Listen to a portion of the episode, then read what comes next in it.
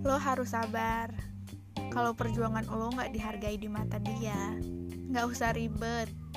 Cari mata lain yang bisa ngehargai lo. Buat apa bertahan kalau ngehargai apa yang lo lakuin ke dia aja nggak bisa?